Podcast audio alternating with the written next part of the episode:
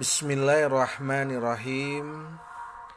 Assalamualaikum warahmatullahi wabarakatuh. Sahabat soleh dan soleha di mana pun kamu berada.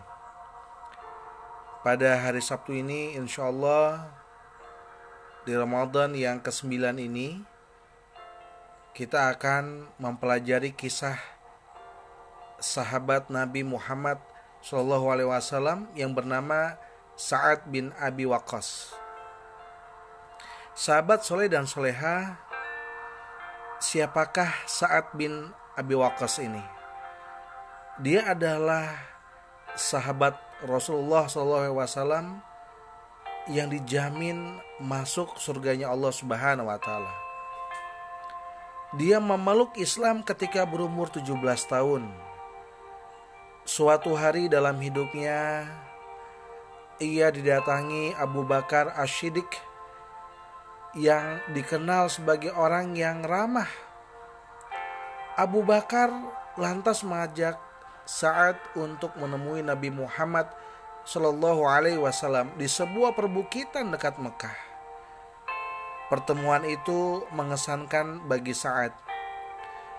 Ia pun segera menerima risalah Nabi Muhammad Shallallahu Alaihi Wasallam dengan tangan terbuka. Sejak saat itu, saat menjadi salah satu sahabat yang pertama masuk Islam dalam era Mekah atau sebelum hijrah. Sahabat soleh dan soleha rahimakumullah, seperti kita ketahui, silsilah Sa'ad bin Abi Waqqas secara tidak langsung bersambung dengan Rasulullah Shallallahu Alaihi Wasallam, yaitu adalah dari ibunda Nabi Muhammad Shallallahu Alaihi Wasallam, Aminah binti Wahab, yang berasal dari suku yang sama, yaitu Bani Zuhrah karena itu saat juga sering disebut sebagai saat Zuhrah atau saat dari Zuhrah. Ikhwan ini memiliki banyak keutamaan. Suatu saat dia pernah disambut Rasulullah Shallallahu Alaihi Wasallam dengan gembira. Rasulullah SAW begitu membanggakan saat beliau bersabda, ini dia pamanku. Siapa orang yang punya paman seperti pamanku ini? Kakeknya saat adalah Uhaib, putra dari Manaf yang menjadi paman dari ibunda Rasulullah SAW. Selain itu, Sa'ad bin Abi Waqqas juga merupakan orang muslim yang pertama kali melepas anak panah dalam jihad Islam. Dia pula yang mula-mula terkena anak panah dalam kancah jihad. Pernah suatu kali Rasulullah SAW bersabda di tengah perang Uhud. Panahlah hai saat ibu bapakku menjadi jaminan bagimu. Ali bin Abi Thalib juga mengatakan, tidak pernah saya dengar Rasulullah SAW mengatakan ibu bapaknya sebagai jaminan seseorang kecuali untuk saat. Saat adalah seorang kesatria muslim yang paling berani ia mempunyai dua kekuatan yang sangat ampuh, panah dan doanya. Jika ia memanah, pasti tepat sasaran. Jika ia berdoa, akan dikabulkan oleh Allah Subhanahu wa Ta'ala. Hal ini tak lepas dari doa Rasulullah untuk saat suatu hari Rasulullah SAW menyaksikan sesuatu dari saat yang menyenangkan hati beliau, maka Rasulullah SAW pun bermunajat Ya Allah, tepatkanlah bidikan panahnya, Sa'ad bin Abi Waqqas, dan kabulkanlah doanya. Demikianlah diri Sa'ad menjadi masyur lantaran doanya disebut makmul.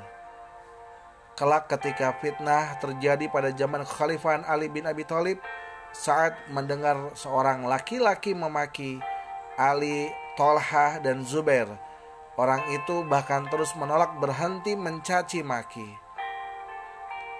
Maka saat pun berkata, "Kalau begitu, akan saya doakan kamu kepada Allah." Laki-laki tadi lantas berkata, Rupanya kamu hendak menakutiku seolah-olah kamu seorang nabi.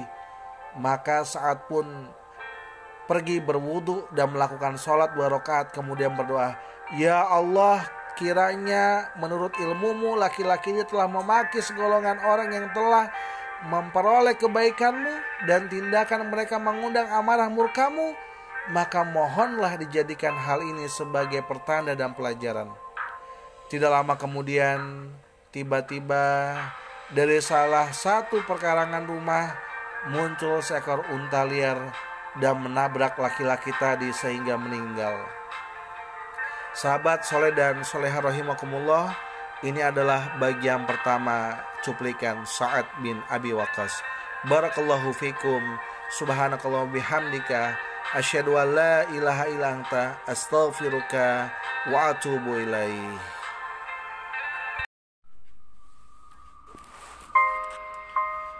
Bismillahirrahmanirrahim.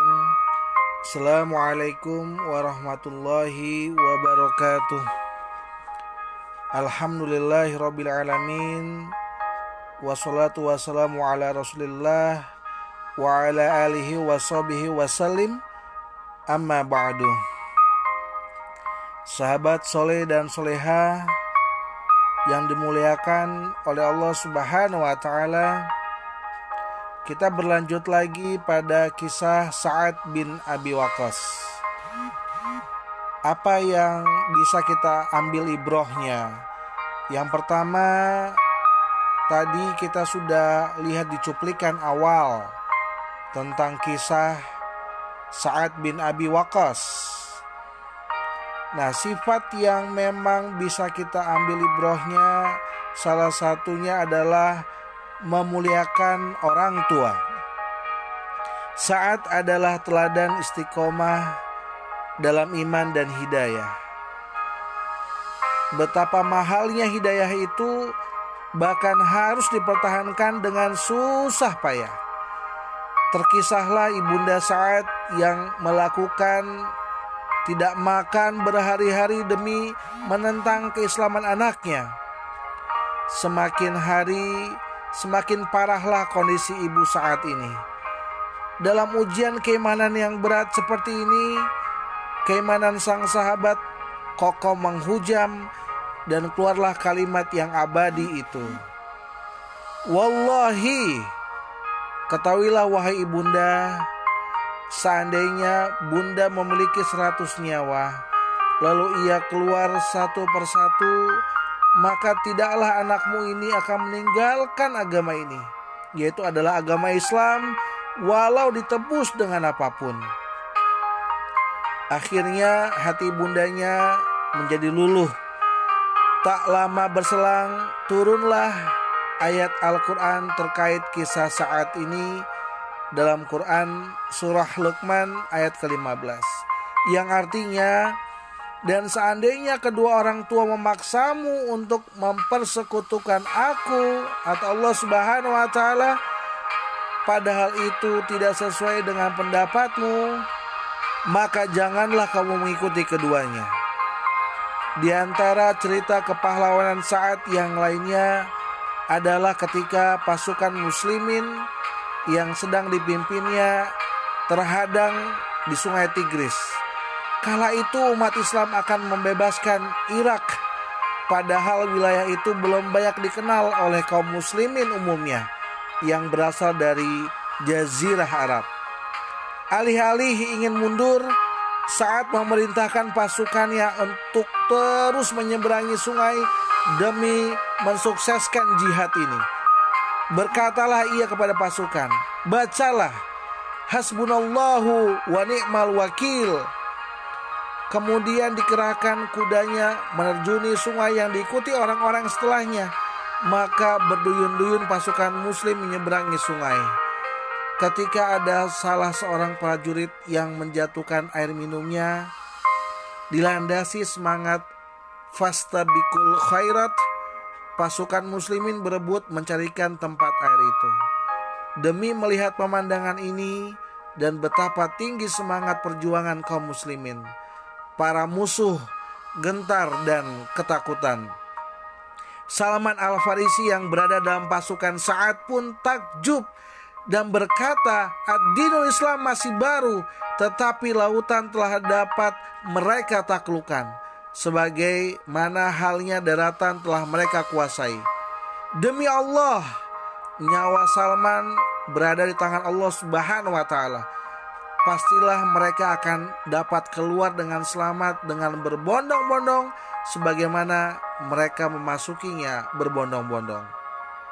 Sahabat soleh dan soleha, itulah cuplikan tentang kisah luar biasa heroiknya kisah sahabat Nabi Muhammad Shallallahu Alaihi Wasallam Saad bin Abi Waqqas.